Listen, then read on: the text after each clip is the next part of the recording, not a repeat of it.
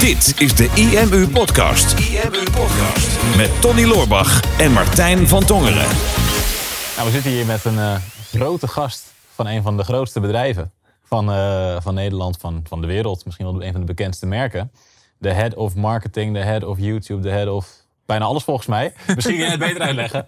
nou, dat, dat, dat, valt nogal mee. Ik ben inderdaad best wel uh, lang, dat klopt.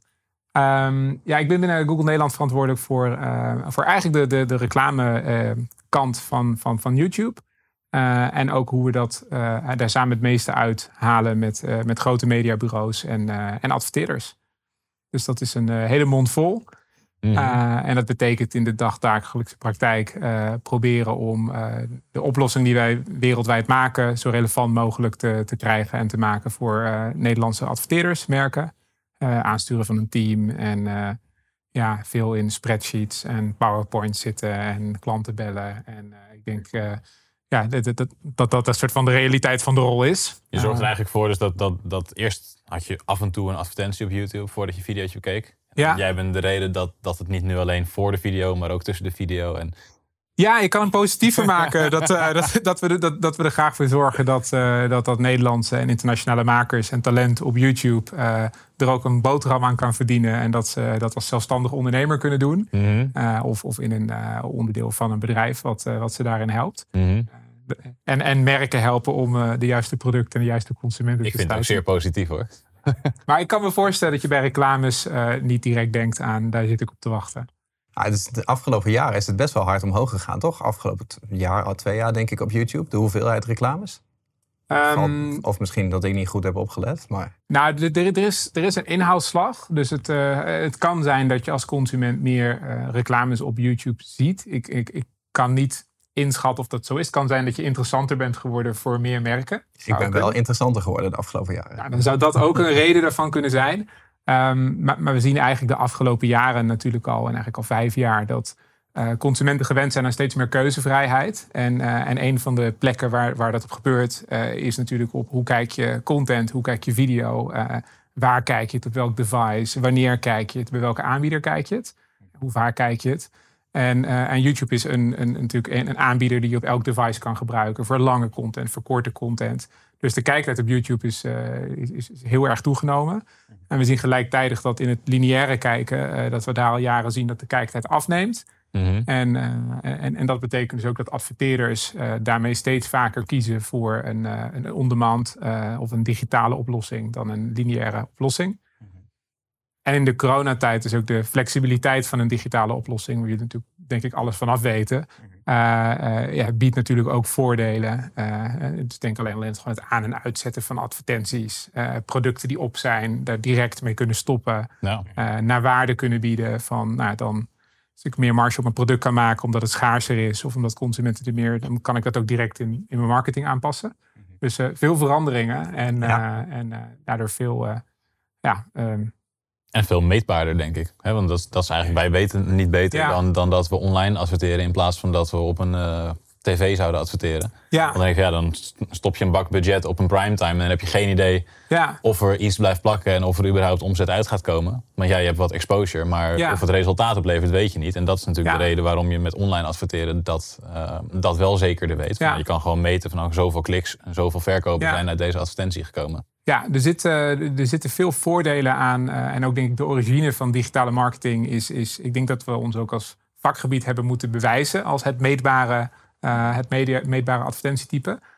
ik denk soms onderschatten we wel hoe goed televisie gemeten wordt. Mm-hmm. Um, maar wat wel degelijk zo is, is dat wanneer je um, als ondernemer um, een aantal producten wil verkopen... of je hebt een website of je hebt een hele specifieke doelgroep dat, dat daarvan de meetbaarheid en het targeten en heel precies kunnen, uh, kunnen uitzoeken wat is mijn doelgroep uh, en direct effect kunnen zien. Van komen die mensen naar mijn website, kijken ze mijn filmpje uit, vinden ze me interessant, uh, wanneer haken ze af. Ja, dat biedt super veel voordelen. Ja. Um, maar wanneer je een merk bent wat gewoon op zoek is naar heel Nederland en wat over, door jaren onderzoek weet van hoe vaak moet je aanwezig zijn in een week. ja, daar is televisie nog steeds wel een heel krachtig mediumtype voor. Maar dat is niet voor iedereen nuttig en krachtig. Nee, er zal wel een beetje een verschuiving in zitten. Kijk, wij weten niet beter dan dat we in online marketing denken. Ja. Goed, is voor ons vrij logisch als je internetmarketing unie bent.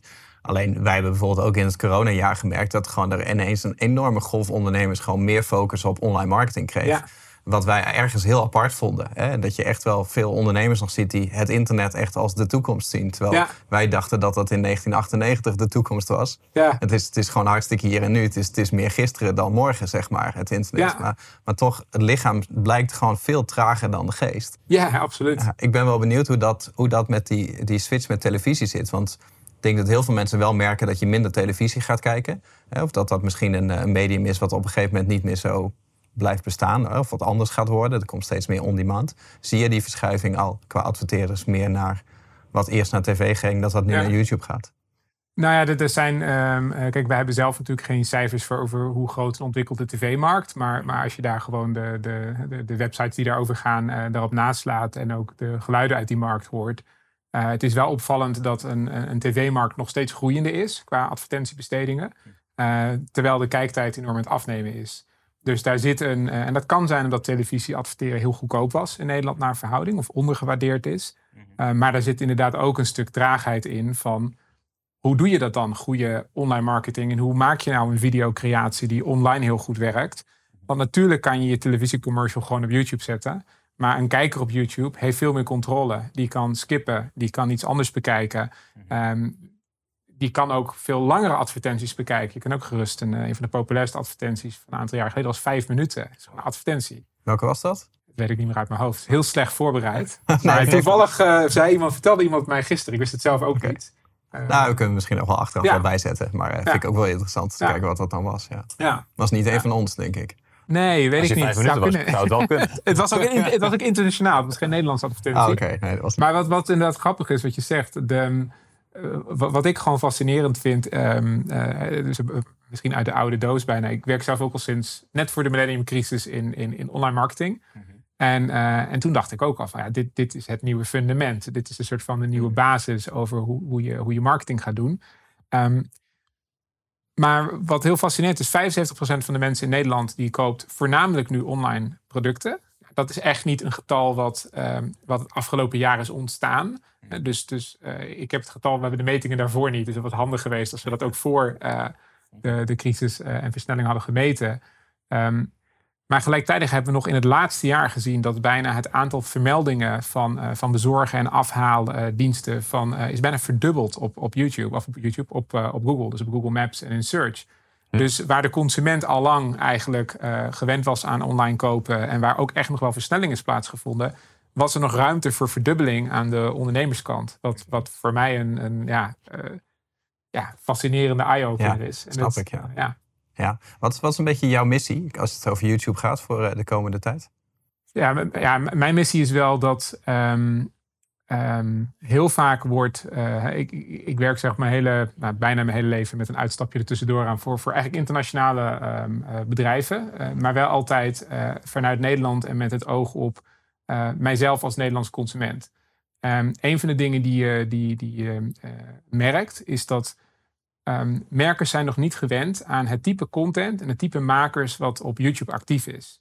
Um, er zitten heel veel, bij, bij, YouTube heb je het juist over een veelheid aan makers met uh, weinig kijkers. tenminste niet in verhouding met televisiekijkcijfers. Nou, jullie hebben zelf een podcast. Ik denk dat je als merk best wel graag rondom deze podcast wil, wil adverteren. Mhm. Maar ja, ik, ik, ik, ken jullie kijkcijfers niet, maar laten, we, laten we zeggen, jullie hebben 2000 kijkers van een video van deze podcast, of we krijgen 2000 kijkers. Dan zijn dat waarschijnlijk 2000 hele interessante mensen die kijken voor een merk wat daar wil adverteren. Mhm. Ehm, we zijn gewend om te kijken naar programma's met een miljoen plus kijkcijfers. Mhm. Ehm, hoe ga je nou als marketeer en hoe ga je nou als merk om met uh, die veelheid aan makers, waarvan je allemaal vindt dat het waardevolle content is als adverteerder, maar ook waardevolle content is uh, als consument als je dit kijkt, uh, hoop ik. Ehm, ja, hoe zorg je ervoor dat, dat deze bedrijven daar ook geld aan kunnen verdienen, zodat er nog meer mooie lokale content op YouTube komt? Dus om de missie heel kort samen te vatten, ik denk echt een brug slaan tussen Nederlandse makers en, en makers in het algemeen op YouTube en, en grote merken en, en ervoor zorgen dat daar ja, een goede waardetransactie tussen zit. Er kan best wel een uitdaging in zijn als je kijkt naar makers. Want je hebt natuurlijk makers. Onze content is natuurlijk super kwalitatief. tot, tot nu toe wel. tot, vandaag was het, vandaag was het zo. Anders had je hier niet gezeten. maar, hè, wij, dat hopen wij. En dat, we hopen inderdaad dat, dat, dat andere bedrijven dat interessant vinden. Dat die erop zouden willen adverteren. Maar je hebt op YouTube natuurlijk ook een heleboel makers die misschien wel veel views hebben. Maar wat, wat meer, meer rommel is. Mhm. en, en daar, wil je, daar wil je ook wel de juiste, ja, de juiste brengen. Nee, maar niet, ik heb niet per se over mensen uit onze markt of zo. Maar gewoon, gewoon, je hebt een heleboel kanalen waar ook gewoon rommelvideo's op zitten natuurlijk. En dan denk je, ja, wil je daar dan uh, op adverteren als maker omdat het wel je doelgroep is? Ja. Of wil je daar niet associëren met dat type video? Ja. Nee, kijk, ik denk, ik denk allereerst, uh, waar vaak uh, misverstanden over zijn, is Um, allereerst op YouTube is, zijn er community-richtlijnen, heet het, voor, voor alles wat er gemaakt wordt op YouTube. Mhm. Dus, dus uh, content moet veilig zijn, we willen een veilig platform zijn. Uh, we bestrijden misinformatie. Dus er is een hele groep eigenlijk aan regels waar je aan moet voldoen als maker om überhaupt uh, je video op YouTube te houden. En dat, dat doen we met zo open mogelijk. En daar zit, maar er zit gewoon een balans tussen veiligheid en, en een community behouden daar. En uh, en gewoon alles maar kunnen roepen en zeggen wat je wil. Mhm. Dus daar, daar zit gewoon een, een, een, een gebied waar we, waar we veel aandacht aan besteden. Om, dat, om wel die belofte van een open platform te houden. Maar ook een veilige omgeving. Um, slechts een gedeelte van die content en makers, uh, daar wordt advertenties op vertoond. Um, en, en je hebt alle controles uh, voor als adverteerder om te bepalen waar wel en waar niet. En hebben we ook nog een laag daar weer bovenop van, eh, van ja, zeg maar premium uh, creators of makers, waar nog meer kwaliteitscontrole over zit. Als je een merk bent wat heel erg de koppeling tussen wat, je, wat je laat zien en wie je bent als merk en, en de content belangrijk vindt, dan, dan, dan heb je dus heel veel middelen om dat heel erg um, ja, gesloten of heel erg beperkt te doen. En daarnaast heb je nog dat je zegt van nou, er is wel degelijk associatie tussen het programma wat iemand kijkt en iets anders. Maar dat is voor mijn merk niet een bezwaar om daar te adverteren. En, en, en een voorbeeld waar ik zelf wel eens aan moet denken is ehm, ook wanneer je bij tv-programmering kijkt, is het ook niet zo dat je voor elk programma wil staan. En daar maken we soms ook wel eens dat, dat onderscheid niet van past een programma bij je merk. Ja. En daar wordt ook wel degelijk over nagedacht. Uh, maar daar heb je hetzelfde verschijnsel. Um, alleen bij ons met wat meer uh, veelheid en breedte aan content, waardoor het gebruiken van die filters op de juiste manier ook echt wel belangrijk is. Dat is ook echt wel iets waar je eh, expertise in moet eh, opbouwen of hebben. Mhm. Ehm, maar het is wel een platform wat in de basis veilig is, met dan extra controles erbovenop om het nog veiliger te maken. En je werkt veel samen met mediabureaus, zei je, om, om te kijken dat, dat er ja, uiteindelijk dat de adverteerder goede advertenties kan plaatsen. Dat, dat ze goede content online kunnen, kunnen krijgen. Waar uiteindelijk mensen op klikken, waar de consument ook blij mee is. Ik denk dat dat soort van het ultieme doel is. Nou, dat de consument blij is met de advertenties die ze te zien krijgen. Um, wat is het, het, meestal het eerste wat je, wat je, wat je aangeeft bij zo'n samenwerking? Wat is het belangrijkste in jouw ogen voor een goede uh, advertentie op YouTube? Nou ja, dat, dat, dat is om, te, om het. Ja, uh, kies eerst of je het als een revolutionair mediumtype gaat inzetten of, uh, of evolutionair. Wat bedoel je daar dan mee? het verschil is, ehm, nou, je kan zeggen, ik, ik ga iets bouwen helemaal rondom YouTube en specifiek voor YouTube. Dus mhm. waarbij je zegt, ik heb een doelgroep, die, die zit zo vaak op YouTube en mijn merk past zo goed bij YouTube daar moet ik gewoon los in een silo over na gaan denken hoe ik dat ga oplossen. Mhm. Eh, en je ziet dat uh, sommige bureaus dat doen. Die zetten een losse tak op of een losse, uh, een losse unit om dat te gaan oplossen. Maar die denken helemaal vrij van, van de andere mediumtypes. En dan heb je eigenlijk het alternatief van je kan ook starten, meer evolutionair, vanuit een bepaald bestaand mediumtype. Ehm, dus dan begin je vanuit televisie. En nou, hoe, dan zie je vaak eerst dat er een discussie is: hoe kunnen we YouTube zoveel mogelijk op televisie laten lijken? Mm nou, dat, vind dat vind ik altijd een lastige, omdat en dan eigenlijk om het over de content te hebben. Ehm, het is gewoon niet mogelijk om binnen YouTube letterlijk uh, elke, elk programma en elke maker te kennen waar jouw um, advertentie voor komt te staan. En als je het los, als je het los zou zien van televisie, en als je kijkt naar onze doelgroep, die zijn voornamelijk bezig al een beetje met online marketing. En als je, ik dacht toen je zei over verschillende medium, dacht ik, oh, dan ga je het nu hebben van ook één tak richt zich op YouTube, één tak richt zich op Instagram, één tak richt zich op Facebook en één tak op Pinterest bijvoorbeeld of zo. En dat zijn meer de kanalen waar veel van onze uh, dat was, het, dat was het tweede voorbeeld. Oh, nou. Sorry, ik ben begonnen met televisie. nee, dus, dus eigenlijk vanuit televisie zie je dus het laten lijken van het platform op televisie. En mhm. daar dan de, de eerste stepping stones in te doen. Totdat je uiteindelijk in ons idee wel uitkomt bij iets wat specifiek om YouTube draait. De andere kant is, je, je, je, je begint met YouTube vanuit een bestaand social team, vanuit een search team, vanuit een display marketing team. Uh, en zelfs ook soms vanuit SEO zien we nu steeds vaker. dat bedrijven ook beginnen met gewoon, ja, YouTube is de tweede zoekmachine, zegt een bedrijf. Ik weet het niet zeker of dat zo is, maar de, de tweede zoekmachine. En, en daar heb je ook een bepaalde presence nodig. Dus je ziet eigenlijk dat, dat er ook vanuit alle andere hoeken gekeken wordt naar hoe ga je nou met YouTube om. Um, ik denk de, de valkuil die er wel eens wordt gemaakt. Door, de valkuil die er is voor de tweede groep, die vanuit een, een ander bestaansmediumtypes doet. Eigenlijk net als bij tv. Het mm meet allemaal net wat anders. Het content is net allemaal wat anders. Um, YouTube is wel voor gebruikers ook een ander mediumtype uh, dan een Instagram of een Facebook of een app of een andere app. Um, dus, dus, dus YouTube wordt vaker gebruikt op de televisie, uh, dus op, uh, op, op Connected TV. Het wordt vaker door meerdere mensen tegelijk uh, gebruikt. Dus met z'n tweeën achter een iPad zitten gebeurt regelmatig of een televisie. Um, heb je er, weet je er toevallig cijfers van? Want als, als ik aan onze strategie denk, denk ik, oké, okay, wij willen een product verkopen. Dus hè, dat wordt op YouTube bekeken. Dat is vaak op een app, op een telefoon, mm -hmm. op, de, op desktop of op Facebook of op Instagram. Dus wij maken vaak een aantal advertenties om bijvoorbeeld ons fysieke boek te verkopen. Ja. Um, en die roleren we gewoon over de verschillende platformen. Ja. Um, als iemand inderdaad op zijn tv zit te kijken, ja. ja, dan drukt hij minder snel op klik op de knop onder deze video ja, nee, dan, klopt, dan, op andere. Heb je, heb je enig idee wat daar de verdeling van is? Nee, dat, dat gaat per doelgroep verschillen. Mhm. Ehm, maar je kan dat dus ook wel eenvoudig gewoon aangeven in je campagne opzet. Uh, Je kan daar dus gaan kijken naar uh, hoeveel wordt er uitgeleverd op, uh, op mijn doelgroep, op de Connected TV en op, op andere devices. En dan zou je hem dus ook kunnen splitsen en zeggen ik ga anders om met mijn targeting op een televisiescherm dan oh, ja. een ander ding. Dus daar zit hebben wel iets gelanceerd uh, twee weken geleden, waardoor je dus wel de, de, de klikknop van de advertentie op de televisie krijg je dan op je telefoon. Dus de, dat is in elk geval wel een voordeel van, dan, dan zit daar toch een koppeling tussen. Ja. Um, maar wat, wat, wat wel zo is, is dat het moment dus waarop je kijkt. Dus ik denk voor, voor, voor, voor jullie voorbeeld, hè, voor een boek, um, denk ik dat het een, een goed mediumtype kan zijn, omdat je leaned in bent, je kijkt een stuk content en je zoekt de verdere verdieping in een boek. Mhm. Dan is de, de connectie best wel logisch. Uh, maar we zien ook vaak dat voor bijvoorbeeld het kopen van een product, gewoon het koud um, aan iemand die een video wil gaan kijken van zijn favoriete maker en die wil daar net 20 minuten naar kijken of 15 minuten naar maken, op dat moment een consument vragen die nog niet van je merk gehoord heeft, koop nu dit product en ga dit uh, bestelproces van zes uh, stappen door. Mhm.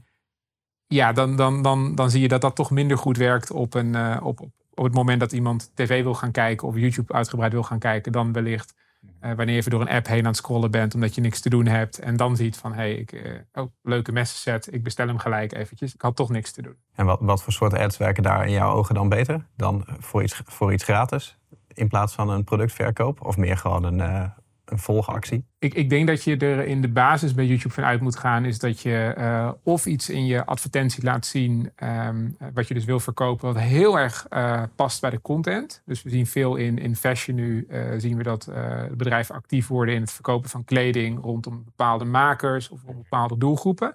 Dat, dat werkt wel degelijk goed. Um, maar wanneer het vrij wild, noem ik het zo maar zeggen, een nou, ik noem even een messenset als voorbeeld, maar om dan met een messenset bij een, een programma rondom food tours te gaan staan, mhm. ja, dan misschien dat een, een, reisprogramma daar beter bij had gepast dan een messenset. Dus je ziet dat, uh, ja, een horrorfilm had hij misschien, ik weet niet of dat... Maar het uh, ook vanaf de type advertentie, toch? Want als ik nadenk aan een, bijvoorbeeld zo'n messenset, ja. je kan zeggen, hey, we hebben hier een goed, goede messenset, je kan er alles mee snijden. Uh, normaal gesproken 80 euro, nu 50 euro, klik hieronder om te bestellen. Ja, dat sluit niet echt aan. Maar je kan hem natuurlijk ook meteen spannend maken. Van, exact. Heb jij wel eens een telefoon doorgesneden met een mes? En, dan zo, en dat je dan zo die telefoon zo in tweeën ziet met zo'n mes. Ja, dan ben je wel getriggerd. Ja, ja, je was er niet daarmee bezig. En dan ga je, dat is meer een verhaal wat je dan, dan opbouwt natuurlijk. Ja. Dan zou het misschien weer wel kunnen werken. Of zeg je, nee, dat, dat zou ik in, met, als die mismes er is, zou ik ook niet doen. Nee, we, we, zien dat YouTube heel goed in staat is om, om een wat uitgebreider verhaal, een beetje verdieping te vertellen en verdieping te geven. Dus je ziet ook dat dat die vormen van adverteren gewoon beter werken. Mhm. dus of het moet heel direct aansluiten bij de content direct in dat filmpje. Ja. Of um, uh, het moet een verhaal vertellen of iets verbreden of verdieping. Uh, en dus dan kan inderdaad een niet actiematige communicatie van dat mes in een video. Mm Ja, daar zijn gewoon vaak uh, banneruiting of een later moment iemand opnieuw die advertentie laten zien is dan relevanter. YouTube zit een beetje van, ja, ik ben zelf geen fan van van, van, het, van het praten over de marketing funnel. Mhm. Ehm, maar als je dan toch wil versimpelen, dan, dan zit YouTube iets meer in het midden van de funnel. Dus boven en midden, dan dat het onder, onder in de funnel zit. Ja, het is altijd leuk als het niet helemaal klopt. Als je je advertenties afstemt op de inhoud. Dat je zeg maar een video van Messi gaat kijken. En omdat het over Messi gaat, dat er dan een uh, aardappelschil Messi wordt gezegd. Of schoonmaakdoekjes. ja, ja, daar zitten nog wel wat, uh, ik denk, in de hele industrie. En, en ja, dan is dat gewoon een vraag in, in, in zo'n geval. Gaat het niet? het is misschien waste of het is niet helemaal de leuke koppeling. Of misschien krijg je nog een leuke social post. Mhm over, dat het zo grappig was. Ja. Maar er zijn natuurlijk ook gevallen die je gewoon niet, die je niet wil hebben. Ja. Uh, dus reizen en, mm en, en, ongevallen of, of uh, ja. Snap ik, ja. ja. Hey, en de organische kant, hè? want wij zijn een voorbeeld van die tweede categorie. Hè? Ja. Dus wij, wij hebben onze podcast altijd gewoon audiotechnisch gehad. Zo ja. zijn we begonnen. Uh, dat was dan alleen maar de audiokanalen. Ja. En op een gegeven moment hebben we gezegd van nou, we gaan een beetje content curatie doen. Dus we gaan het met video opnemen. En mhm. nu hebben we een soort van makkelijke vorm gevonden. En wij nemen dit interview op. Ja. De video gaat naar YouTube. En eh, de audio gaat naar de uh, podcastkanalen. We halen er kleine stukjes uit. Die gaan op, uh, op Instagram. Mm 15 seconden in de story. 5, uh, 1 minuut in de, in de timeline. We kunnen de quotes uithalen. Die kunnen naar Twitter en naar Pinterest. Er is een dame die gaat dit luisteren. Die gaat hier een blog over schrijven. En die zet dat op de website. Dus zo pakken we heel veel trafficbronnen zeg maar, met, met één opname. Ja. Alleen in principe is het... Ja, we passen de vorm een klein beetje aan. Maar um, onze podcast was natuurlijk in eerste instantie bedoeld voor mensen die gewoon 30 minuten naar ons luisterden in de auto en 30 minuten naar ons kijken in YouTube. Kijk, dit is een uitzondering, want dit is heel vermakelijk. Maar dat, dat is minder ideaal. Ja. Dus, dus wat, wat zou je in ons geval aanpassen aan het videoconcept? Ja, dat, dat, dat is een hele. Um, moeilijke vraag. Nou, nee, het is, het is geen moeilijke vraag. Uh, ik denk dat ik geen goed antwoord of geen leuk antwoord erop heb. Omdat, oh, gewoon niet meer doen. Niet, niet meer doen. Nee, gewoon niet doen. Maak geen video. Nee, kijk, um, hier je dus een beetje de, uh, wanneer is iets succesvol. En, en als je dus kijkt naar de cijfers die, je die je hebt op een, uh, op een Instagram of een, op een, tv-uitzending. Of die je vanuit display, het bereik die je gewend bent. Zoekmachine market. Dat zijn allemaal hele hoge getallen. En, en, en, dat is wel natuurlijk het unieke aan YouTube. Van, ook al zijn er maar 200 kijkers die die hele video uitkijken. Dan, dan bouw je daar waarschijnlijk een, een grotere band mee op dan via andere mediumtypes, omdat het volledig is.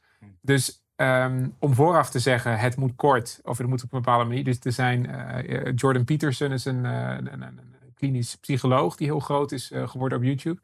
Um, die maakt content van, die heeft al zijn colleges heeft hij online gezet. En je kan van, van de beste van content-wise vinden wat je wil. Um, daar, daar verschillende meningen nogal over. Maar die maakt gewoon video's van 2,5, 3 uur. Die zet colleges van 20, 30 uur erop. Die heeft bijna een miljoen views per video. Dat, dat, was niet opgenomen om, om het snappy of mooi of interessant te maken op YouTube. Dus de, de kijker bepaalt echt wat, wat werkt en wat niet werkt. Hmm. En, uh, en het kan zomaar zijn dat, dat jullie een long format te pakken hebben, waar mensen heel graag een uur naar kijken. Hmm. Uh, het kan ook zo zijn dat wat we hier aan het vertellen zijn, dat het eigenlijk niet meer dan 30 seconden waard is. Dus dat, dat, is, uh, dat is iets waar je dus ook veel inzicht. Uh, dus ik denk dat het vooral ook aan, aan, aan de, de makers op YouTube is om om daar voor je doelgroep, uh, om dat echt in een kunst, in een vak te veranderen. Dus kijken naar uh, wanneer vallen mensen af, wanneer kijken ze niet meer, waardoor gebeurde dat en hoe kunnen we dat een volgende keer beter doen. En, ja, en ik weet niet of je, of dat. Dus wat, dus wat is, wat, is, je noemde net bijvoorbeeld 200. Ja. stel nou dat we zien, oké, we hebben er 200 wat, en we willen, we willen gaan verdubbelen. Ja. Ehm, wat zou dan een, een, gameplan zijn in jouw ogen? Wat zijn de statistieken die belangrijk zijn om naar te kijken? Is dat hoe vaak je wordt aangeklikt? Is dat hoe, hoe uh, vaak je wordt vertoond in de zijbalk bijvoorbeeld? Of dat je iets met de thumbnail moet gaan doen? Of moet je gaan nadenken over de titel verbeteren? Of moet je juist kijken naar het kijkgedrag van de kijkers? Want als 200 mensen hem aanklikken en ze kijken hem allemaal uit, dan is hij in de ogen van YouTube misschien al goed. Wat zijn, wat zijn factoren waar je zegt van oké, als je wil groeien, dan zou je hier dus eerst mee aan de slag moeten gaan? Nou, het is, het is denk ik waar elke YouTuber mee eindigt. Uh, subscribe, like en, en comment. Mhm. Dus uh, het, heeft, um, het heeft gewoon te maken met uh, zien we dat een video. Um, viraal is dan een verkeerd woord, maar dat, dat consumenten interesse hebben in het kanaal. Hebben we dus echt het kanaal meer autoriteit. Um, zien we dat de video's vaker beke bekeken worden. Zien we dat mensen de video's uitkijken. Eigenlijk gewoon een mixed bag aan, aan, aan, aan, aan dingen die wij gebruiken om te bepalen: is dit goede content of is dit leuke content? Uh, dat, dat is denk ik het belangrijkste. Ja. En uh, nou goed, je hebt een boek over SEO geschreven. Dus je weet ook hoe, hoe weinig wij zelf delen over, behalve deze relevant, mm over SEO. En, en, voor YouTube is het wel een beetje hetzelfde. Um, en er zijn natuurlijk duizend en één tips over. Uh, weet je, zet juist de foto erin die de aandacht trekt. Zet er een video in. Zet er een. Maar again, dan kijk je naar een, een, een merk wat heel veel relevantie biedt in een, in, in een video. Volgens een paar weken terug de discussie gehad over. Moet dan elk merk dit doen? Hè? Moet elk merk hè, die, die mooie headshot doen met die titel? Met, moeten we dat gaan adviseren? Van doe dat nou op YouTube. En dan, dan zie je toch ook alweer dat veel van de populairste video's ook gewoon gekeken worden. Omdat de boodschap die er daarna in zit zo gaaf was. Of de muziekvideo zo gaaf was dat mhm. mensen het wel gaan verspreiden. En, en dan is dat net zo succesvol als, uh, als al die shortcuts. Of die shortcuts, de, ja, het editen van, uh, van, van een mooie, mooie intro. Mhm. Ja, dus het belangrijkste is eigenlijk, als jullie nou allemaal een duimpje omhoog geven en even subscriben, dan gaat het kanaal het beter doen. Dat, dat, ik denk dat je daar gewoon mee moet beginnen. En dat is, dat is ook wel het leuke natuurlijk aan, aan aan YouTube als community. Je ziet eigenlijk dat, dat iedereen die succesvol op YouTube is, uh, de tips wel geeft tijdens het maken van. Uh, je, kan letterlijk zien van, oh, dat is waarschijnlijk waarom ze succesvol zijn. Ja. Uh, ja. En vaak, ik, tenminste wat ik zie bij de meeste eh, YouTube-kanalen, is dat er ook wel gewoon een factor entertainment vaak in zit. dus je hebt, je hebt de hele, hele degelijke informatiekanalen, maar de, de meeste YouTube-kanalen die als een raket gaan, zit vaak wel een stukje entertainment in. Ja, en, en we zien wel de afgelopen, uh, afgelopen twee jaar dat, dat uh, de interesses van consumenten over tijd gewoon veranderen. En dat je, uh, dus een, een van de fascinerende de cijfers is dat de meeste content die op YouTube wordt gekeken, die is de afgelopen zeven dagen gemaakt. Of acht dagen. Maar ik, ik, ik, zal het voor het linkje delen wat het exacte getal is. Ja. Um, maar de meeste content wordt dus gewoon heel kort na het maken gekeken. En dat, dat betekent dus, dus een beetje de, de, meta-analyse. Mag je nou meta nog wel gebruiken als woord? Is er een merk, nee, ja, merk recht nu? Waarschijnlijk Google niet meer. Nee, waarschijnlijk wij niet meer. het woord is nu klaar. Het, ja, als je daar dus van een, van een, uh, van een afstandje naar kijkt. nu ben ik gewoon heel mijn verhaal kwijt. ja, ik, ben ook, ik zit ook nog even in het metaniveau. Je had het over de 7 à 8 dagen. Ja, ja, dus, ja dus als je uiteindelijk kijkt naar, um, naar wat, wat is populaire content, hoe maak je het. Je ziet gewoon dat, dat consumenten zijn op zoek naar um, content die inspeelt op wat, wat gebeurt er nou vandaag de dag. En wat is nu relevant vandaag de dag. En uh, het mooiste voorbeeld ervan, of het vervelendste voorbeeld ervan, dat zijn natuurlijk steeds de aanpassingen in, in, in COVID-richtlijnen die we de afgelopen twee jaar hebben gehad. En en eigenlijk hebben we dus de afgelopen jaren content, bijvoorbeeld als thuis sporten, dat is door het dak gegaan. Uh, maar ook echt door het dak gegaan. Mm thuis koken, je huis opnieuw opknappen. In één keer is dat hele populaire content geworden. Die niet per se entertaining uh, is gemaakt of geweest. Dus dat entertainment wel de rode draad zijn. Eigenlijk muziek, entertainment, verdieping, sport. Dat, dat is wel een beetje een soort van constante op YouTube. Dus als je daar iets mee doet, dat, dat werkt altijd. En dan heb je gewoon inspelen op de actualiteit. En daar content over maken. Ja. En ik vind het wel schokkend. Gewoon in hoe snel dus in, in, in, in eh, makers in staat zijn geweest om nieuwe content te maken. Eh, en hoe kort dat productieproces is geworden voor, eh, voor goede content. Um, ja, dat, vind ik echt, daar zit ik met open ogen naar te kijken. Als ik ook zelf maken we best wel wat e-, events en dat soort dingen. En als ik kijk hoeveel voorbereidingstijd wij daarin stoppen, mhm. dan, dan denk ik dat wij zelf ook nog wat meer op ouderwetse programmamakers lijken. Dan, dan, dan eigenlijk op de nieuwe generatie aan makers. Ja, we hebben dat laatst met ons evenement ook wel ervaren. Gewoon als je het een keer groot wil aanpakken, hoeveel, hoeveel te groter het dan wordt. Er zit niet echt iets tussenin. Van, hè? Dus je hebt of je telefoon en, of een webcam, of je hebt een hele grote productie. Maar er zit niet zo niet zo heel veel tussen. Nee. Maar het, maar het, is inderdaad apart dat je nu gewoon met je telefoon heb je gewoon de, de studio kwaliteit van, uh, van vijf jaar geleden. Echt bizar. En toch zijn er gewoon heel veel ondernemers die nog steeds niet die stap maken. Zelfs niet, zelfs niet toen, uh, toen de eerste lockdowns kwamen en de dingen die jij nu noemt. Van ja, je kan daardoor geschokt zijn, maar ja, ergens is dat heel logisch. Hè, Dat je meer online uh, thuis sport en zo bent gaan kijken. Maar er zullen een heleboel mensen in die branche zijn die nu nog steeds niet de stap hebben gezet om, om dat soort video's te gaan maken. Ja wij proberen er wel eens achter te komen waarom dat in zit. Heb, je, heb jij een idee waarom ondernemers dat niet doen? Um, nou ja, er zit, er zit dan denk ik een, een, een, een tweede ding. Ik denk dat het, uh, en dat, dat klinkt een beetje als spreken voor eigen parochie, maar ik denk dat er, uh, we, hebben, we hebben onderzoek gedaan. Um, we doen toch veel onderzoek? Wanneer was deze? Hoe was die dit jaar? Uh, waarin we eigenlijk kijken naar um, hoe oriënteren en hoe kopen consumenten nou. Ehm, eh, en, en, jullie hebben volgens mij in het verleden iets over dropshipping. Hebben jullie een uh, podcast gemaakt? Jullie hebben daar een podcast over gehad. En natuurlijk heel raar is, eigenlijk laat, laat zo'n dropshipper zien hoe makkelijk het is om, um, om een, een, een, merk tussen aanhalingstekens te bouwen en om spullen te verkopen aan een consument door gebruik te maken van digitaal. Mhm. En, uh, en dat is een fenomeen wat wij, wat wij eigenlijk allemaal niet, niet kennen. Um, en we hebben dus eigenlijk onderzoek gedaan dat er een soort van zes uh, levers zijn om, om uh, waar op basis waarvan consumenten nu bepalen waar koop ik iets en, en, wanneer koop ik het. En vaak is dat online. en dat zijn allemaal in één keer elementen geworden die heel erg haalbaar zijn voor alle ondernemers. Dus als je kijkt naar um, adverteren met online video op YouTube. Um, ik denk dat het, dat het een hele gemiste kans is. Dat je nu in een soort van, van equal game waarin iedereen dus met video kan adverteren. Dat is echt een gemiste kans als, als ondernemer als je daar geen gebruik van maakt. Mhm. dat is één. Dan heb je de categorie van moet ik dan ook zelf op YouTube als, als maker en moet ik content gaan maken. Dat is wel heel sterk afhankelijk uh, uh, van uh, wat je komt brengen en wat je komt, wat je komt delen. Ja. zoals wat, wat jullie doen met een, met een podcast en interviews en, en kennis delen. Dat is altijd interesse in. En, en dan denk je, ja, dat moet je gewoon doen. Misschien is het dan cameraangst of het gewoon doen. Of misschien zit hij nog niet in het lijstje van dit doe je als marketeer allemaal. Mhm. Ehm, maar ik denk adverteren met video is, een, eh, is echt een gemiste kans als je daar nu niet, uh, niet op instapt. Ja. Ja, dat denk ik ook. Ja. En überhaupt het online, want jij zei natuurlijk net, ja, verbazingwekkend dat ineens de search results van bezorgen en afhalen verdubbeld waren in de zoekresultaten. Maar wij geven nu al tien jaar training over zoekmachine-optimalisatie. En elke keer als wij daar een training over geven, dan komen er duizenden mensen op af die als eerste willen weten hoe kom ik bovenaan op specifiek deze zoekterm in Google. Ja. En die hebben dan soms nog niet eens een website. Ik weet dat ik een paar jaar geleden had ik zelf een onderzoek gedaan. Toen kwam ik erachter dat één op de drie bedrijven in Nederland geen website had nog. Ja, ja dan, dan, dan is er nog best wel veel te winnen.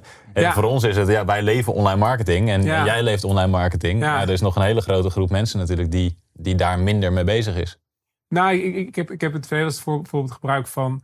Ja, uiteindelijk is natuurlijk altijd eh, de, de, de, afstand tussen marketing en consumenten, die zal er altijd zijn. Um, uh, alleen uh, die consumenten waren heel lang nog wel binnen een soort van schootsafstand. Dat klinkt heel negatief, maar nee. laten we fietsen als voorbeeld pakken. Je achtervolgt iemand op de fiets of je rijdt achter iemand aan op de fiets. En, en zolang je dat persoon maar kan zien en die niet de, de, hoog, de, de, de hoek om is, kun je dat persoon nog wel blijven volgen. Um, maar eigenlijk tijdens uh, COVID is eigenlijk die consument zoveel, uh, heeft zo'n grote afstand genomen door de versnelling die ze noodgedwongen hebben moet, moeten doen op digitaal. Mm um, dat misschien nog wel te veel mensen denken dat het, dat dat weer anders wordt. Of dat het heel anders gaat worden.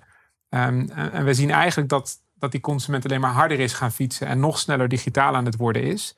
En, en, en daar dan een beetje de urgency van, ja, nu, nu begint het wel heel groot te worden, dat gat.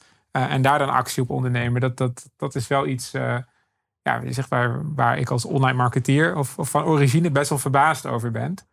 Um, dus dat gaat ook voor fenomenen natuurlijk. Toevallig kijken we nu ook naar. um, uh, gaming is heel groot op YouTube, maar ook e-sports is heel groot.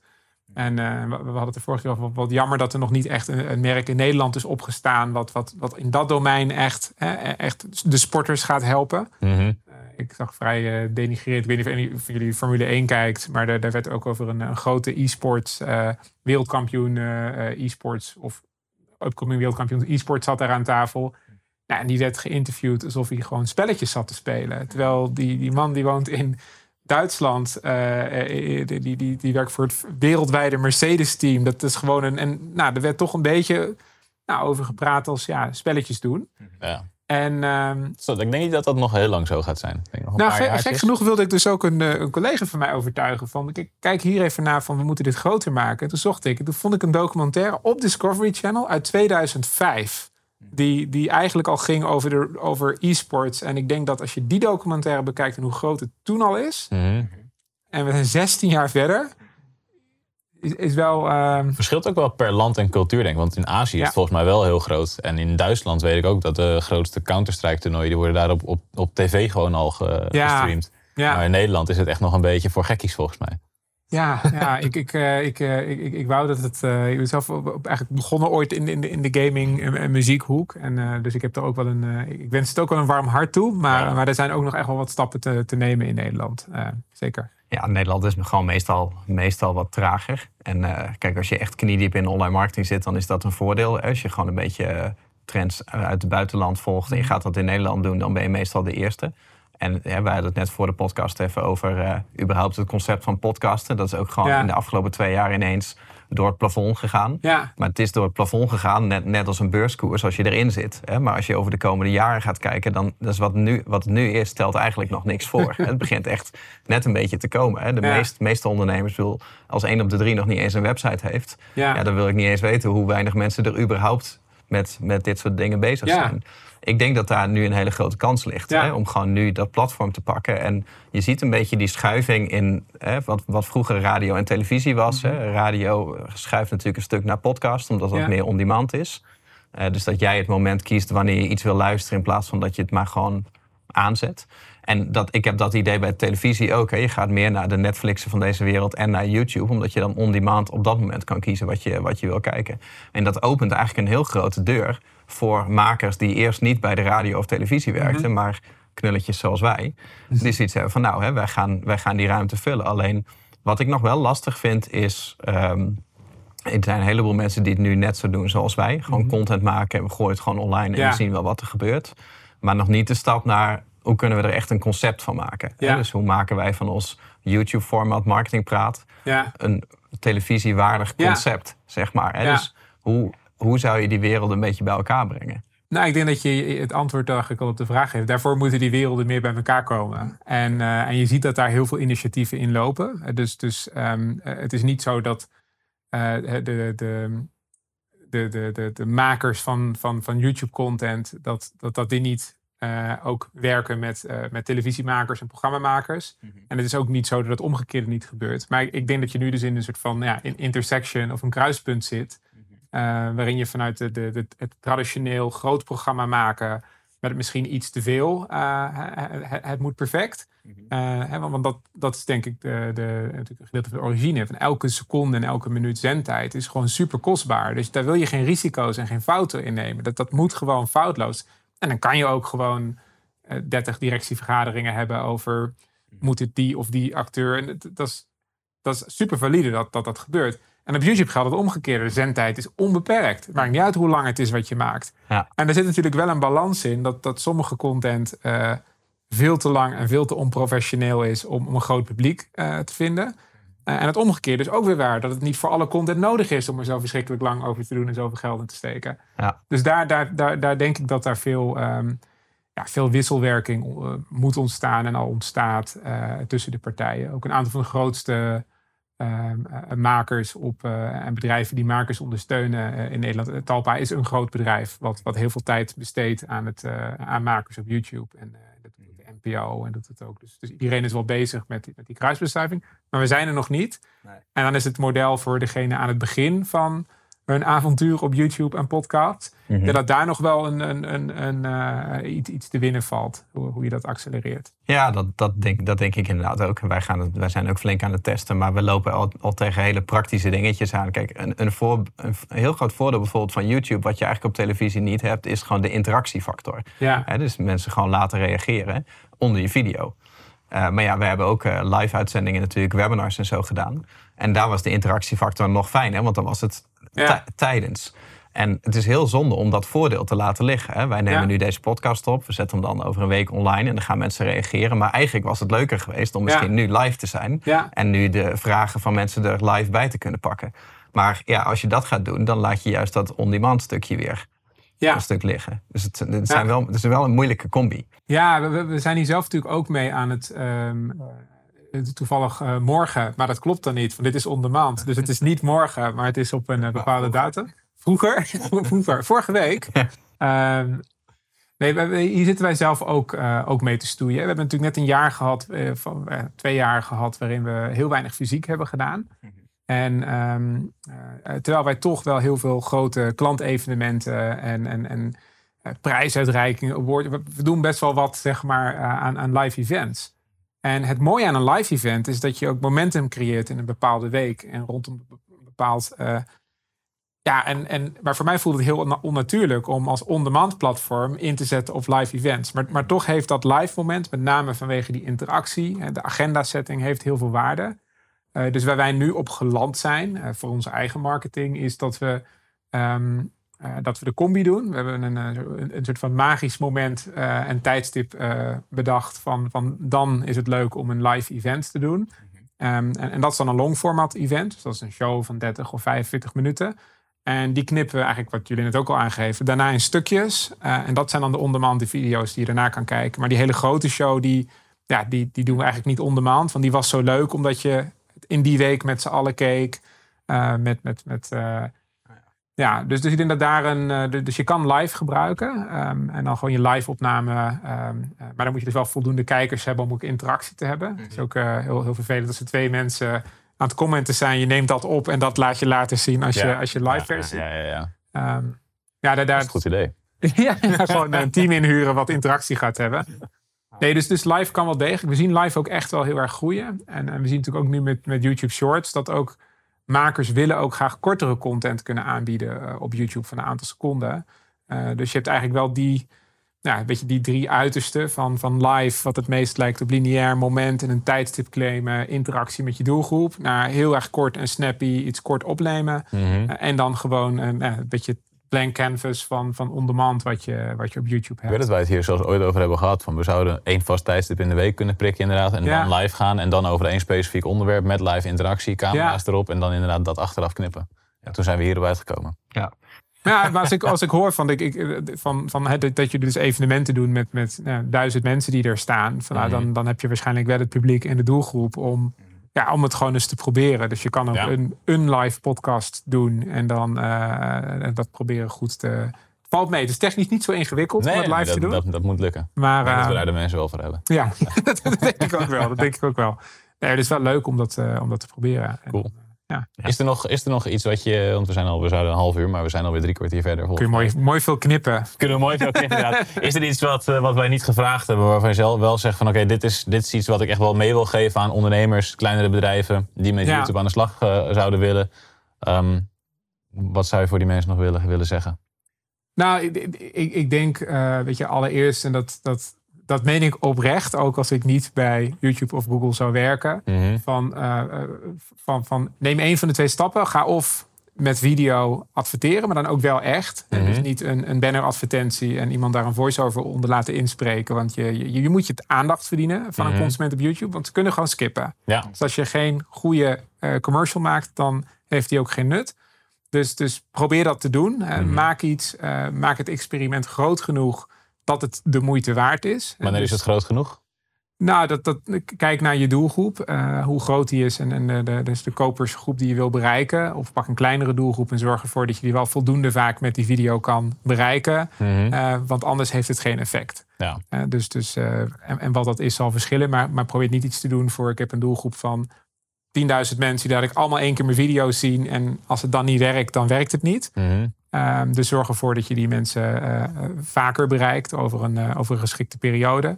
Uh, dus als één, doe het en doe het dan wel met, met intentie en wel met de, de opdracht om er wat uit te halen. En als je voor de videoproductie kant gaat, ja, doe dat als je een verhaal hebt te vertellen. En, en wanneer je echt relevant bent en iets van informatie of entertainment of, of verdieping kan bieden aan een doelgroep. Maar ga dat niet heel geforceerd doen, want, want dat, dat gaat niet lukken. Of laat je dus uitnodigen voor een, uh, voor een podcast en, uh, en vertel daar welk product je verkoopt. Ja. ja. Nou. En jij verkoopt Google dus. Ja, is dat, is dat opgevallen? Tussen de regels door? Ja, ik, nee, denk, nee, niet, ik denk niet dat je onze podcast daarvoor nodig hebt om daar het bewustzijn hoger van te krijgen. Nee, nee, dat is. Uh, nee, nee, dus in die zin. Um, wij, wij, hebben, wij hebben we hebben eigenlijk nog wel een, een, een, een, plicht. Klinkt dan gek, omdat je een commercieel bedrijf hebt. Maar we hebben nog wel, ja, het voelt toch gek genoeg als een plicht voor de mensen die content maken op, op YouTube. Om ervoor te zorgen dat, dat merken dat, ja, daar optimaal gebruik van maken. En, en richting merken ook om die consumenten bij te houden. Die zo snel aan het verschuiven zijn naar, naar on-demand. En naar digitaal al verschoven zijn, uh, zoals jullie zeggen. De, ja ja, om, om daar wel het maximale uit te halen. Nou, ik denk ook dat dat, dat in principe een win-win-win situatie ja. zijn. Als de makers geld verdienen met de advertenties die jullie draaien, de adverteerders geld verdienen omdat consumenten op hun advertenties komen en iets kopen. En consumenten relevante advertenties zien. Ja. Ik word heel blij dat ik steeds beter getarget word. Want ja, ik koop steeds vaker iets waar ik ook echt iets aan heb. Ja, nou, en, en, en, zolang het maar voor jou duidelijk is dat dat gebeurt en, en, en, en wat iemand over je weet en hoe je, er, hoe je het ook weer uit kan zetten, ja. dan, dan hebben we ook onderzocht dat het dan voor consumenten een, een, een minder grote barrière is. Of, of, ja, ja. Alright, helemaal goed. Hartstikke bedankt, man. Yes, leuk. Dat was. Nou, graag gedaan. IMU Podcast. Super tof dat je hebt geluisterd naar de IMU Podcast. Ik hoop dat je dit waardevol vond en dat je er inzichten uit hebt kunnen halen voor jezelf en voor je eigen business. Vond je dit nou een waardevolle podcast, dan zouden Tony en ik het heel erg waarderen als je dat zou willen delen. Enerzijds door dat bijvoorbeeld te delen via je eigen Instagram of via LinkedIn. Door een screenshot te maken van je telefoonscherm en ons er even in te taggen. Maar wat we nog meer zouden waarderen is als je de tijd en moeite zou willen nemen om een review achter te laten. Werk je met een Apple-telefoon, dan kan je dat doen binnen je eigen podcast-app door daar een review te geven. Geef ons een x aantal sterren met daarbij een korte motivatie wat je van onze podcast vindt. Zouden we echt enorm waarderen als je die tijd zou willen nemen. En werk je met een Android-telefoon, dan zie je dat, daar, eh, dat de meeste apps geen review mogelijkheid hebben. Wat we dan heel erg zouden waarderen is als je op Google IMU zou willen intypen en vervolgens via de Google Review sectie iets zou willen vertellen over de IMU, wat je van ons vindt en wat je aan onze podcast hebt gehad. Alvast heel erg bedankt en ik hoop natuurlijk dat we je volgende week weer mogen verblijden met een volgende aflevering van de IMU podcast.